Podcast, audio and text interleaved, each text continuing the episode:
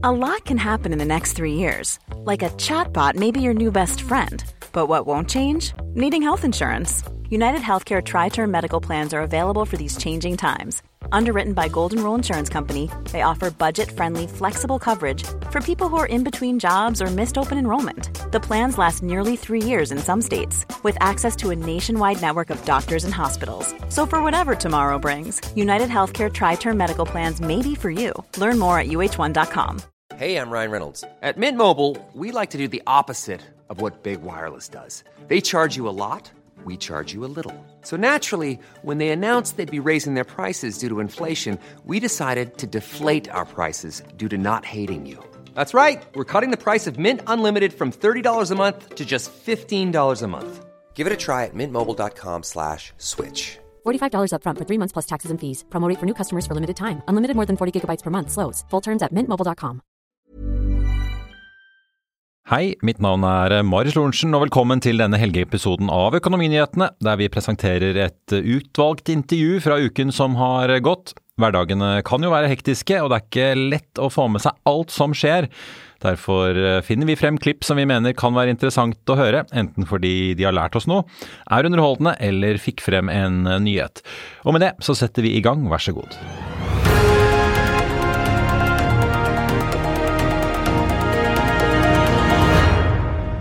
Irene Romeloff, konserndirektør i Equinor. Du har jo ansvaret for tradingen, også lavkarbonløsningene, som da selvfølgelig er en storsatsing i tillegg til fornybar energi. Nå står vi her på kapitalmarkedsdagen deres rett etter at EU-kommisjonen har lagt frem nye klimamål for 2040. De skal ned 90% men det snakkes mye om karbonfangst, som jo ligger i din portefølje. Kan du si litt om hvordan det som nå skjer i EU påvirker hvordan dere tenker rundt satsingen på karbonfangst? Nei, jeg vil jo si det at Sentimentet rundt CO2-fangst har jo endret seg totalt egentlig de siste par årene. Vi ser jo IRA i USA, veldig bra insentiver. Vi ser at Danmark lyser ut lisensrunder. Vi ser at EU nå snakker helt åpent om det. Tyskland lager CO2-strategi osv. Så, videre. så Så dette er jo i ferd med å fly. Og det syns vi er veldig spennende, for vi er jo en tidlig mover da, innenfor dette området. Dere har jo bl.a. vært ute med Northern Lights, men dere har jo flere prosjekter gående. Men si litt, dere snakker jo nå om at dere forventer en realavkastning på mellom 4-8% det samme som i fornybar energi. Kan du si litt om hvordan dere havnet og kommet frem til det tallet, og hva dere også tror er mulig å få til fremover? Vil det ligge omtrent på nivå med fornybar energi? Ja, vi har jo en forventning om at uh, denne butikken trenger subsidier kanskje fram mot 2030. Og i en periode hvor liksom, myndighetene går inn og støtter dette, så er det vanskelig å se for seg at du skulle ha liksom, veldig høye avkastninger. Så vi har en forventning da med 4-8 i, i denne fasen. Når uh, det faktisk blir dyrere å slippe ut CO2 enn å lagre CO2, så ser vi jo for oss at vi kan nå høyere marginer. Og det, I USA så er vi jo allerede der med IRA-insentivene, og vi tror vi kommer dit i Europa en gang rundt 2030. Ja, Så vippepunktet er 2030, da? Ja, sånn, det er jo alltid vanskelig å spå. Men um, vi har jo en forventning om vekst i EU ETS-en. Og, og vi ser òg at kostnadene stadig kommer nedover i forbindelse med fangst og lagring av CO2. Hvordan ser prosjektutviklingen ut? Altså hvis man ser på fornybar, så ser man at den næringen, særlig på vindkraft, har ganske store problemer med lønnsomhet, en del garantisaker. så det er, det er så vanskelig å få til dette enn man kanskje trodde. Hvordan ser det ut på CCS? Dere har jo prosjekter nå gående sammen med Chevron i USA dere skal utvikle, ikke minst da i Norge og også i Europa ellers. Går liksom industriutviklingen og prosjektutviklingen sånn som dere forventer? Ja, det vil jeg egentlig si. Men vi er jo i en mye mye tidligere fase enn på fornybart. da.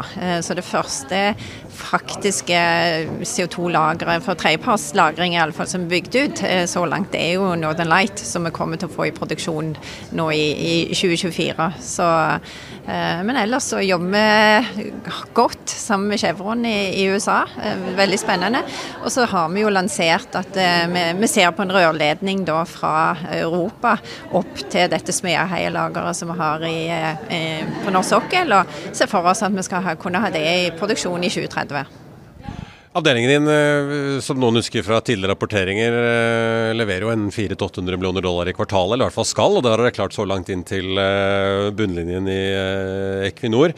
Vi må snakke litt om en annen viktig del, nemlig gass. da. Jeg ser jo nå på priskurvene dere også viser til her at prisforventningene på naturgass i Europa er jo litt under det man trodde for ett år siden, men likevel høyere enn man kanskje historisk har sett.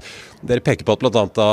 den globale veksten av ny LNG inn i markedet er med på å presse dette nedover. Samtidig så ser vi Joe Biden i USA si at USA kanskje ikke skal gi flere nye tillatelser. Når du ser på total, liksom helheten i dette her, hva, hvordan tenker dere rundt konkurranseevnen til norsk gass, som jo primært går eh, gjennom eh, rør som er billigere? Jeg tror først og fremst grunnen til at eh, prisene har stabilisert seg på et litt lavere nivå nå, er jo at vi har eh, vært gjennom to veldig varme vintre. Jeg tror både fjorårets vinter og dette årets vinter vil eh, liksom være topp fem av de varmeste vintrene de siste 60 åra. Og det har jo letta trykket. Og så på sikt så tror vi jo at det kommer sånn i 26-27 så kommer det en bølge med masse LNG.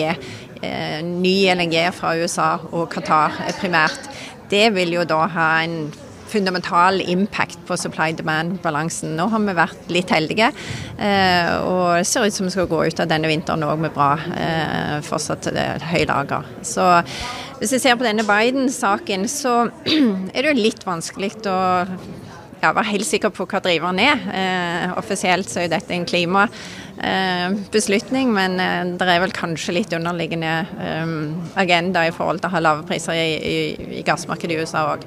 Men det som det vil påvirke, er jo en bølge av prosjekter som kommer i 27, 28, 29 potensielt. og da forventer vi jo ganske bra eh, med supply eh, uansett i, i, denne perioden, og det viser vi òg på, på sliden vår. Og så kanskje for den totale gassbalansen så er dette ikke så veldig veldig dumt at de kommer litt seinere. Eh, og at vi da treffer bedre på demand-kurvene. Mm. Til slutt må jeg høre, En ting er jo tilbudssiden, men eh, etterspørselen er jo også veldig viktig. Asia regner dere jo med, og de fleste, at eh, vil øke appetitten etter hvert som Kina kanskje kommer tilbake. Men hva med Europa, da? Vi har jo sett at etterspørselen etter gass har jo kommet ganske kraftig ned etter invasjonen av Ukraina og de skyhøye prisene vi hadde særlig da i 22. Det snakkes jo om at mye industriproduksjon i Europa har falt bort. Hvor, hvor trygg er man på at den kan komme tilbake helt eller delvis? Nei, Det var veldig rett. altså Vi har jo mistet omtrent 90 BCM, eller 20% av markedet. og En del av det er værrelatert da, siden 21, så det er en betydelig fall i, i etterspørselen. Det er vanskelig å si hvor mye av dette som kommer tilbake. En del er jo i residential sector, som vi sier. Altså, og der tror jeg at folk faktisk har vent seg til å leve med litt eh, kaldere hus og litt varmere hus om sommeren, for å si det sånn.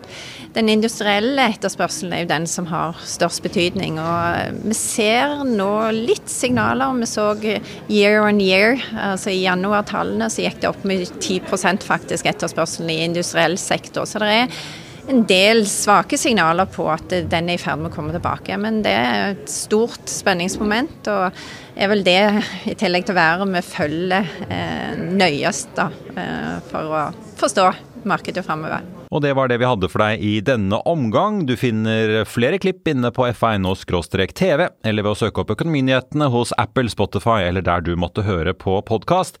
Mitt navn er eh, Marius Lorentzen, og vi er tilbake igjen eh, på mandag med Børsmorgen og Økonominyhetene. I mellomtiden så ønsker jeg og alle vi her i Hegna Media deg en riktig god helg. Takk for nå.